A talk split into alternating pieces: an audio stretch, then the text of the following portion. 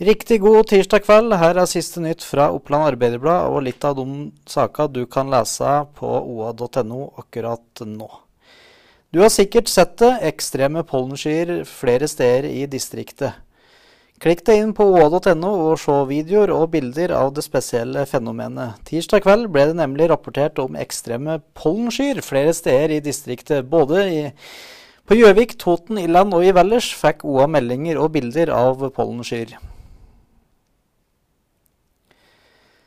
Steffen Hellum satser på konserter og restaurant på Hovdetoppen i Samar.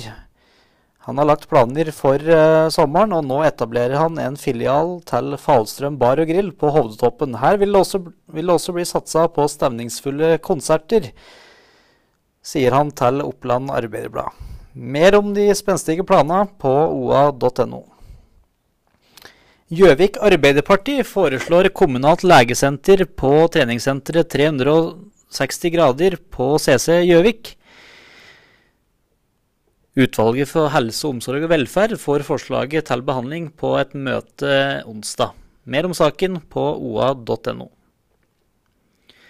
Så kan vi gratulere Eline Fagerheim fra Gjøvik og Vipers med seier i sluttspillet.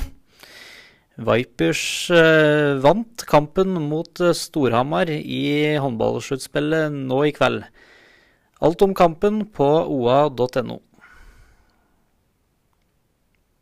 På oa.no kan du òg lese om 31 år gamle Silje, som ble headhunta for å drive hotellet på Beitostølen. Åssen hun ble hotellsjef, kan du lese om på oa.no.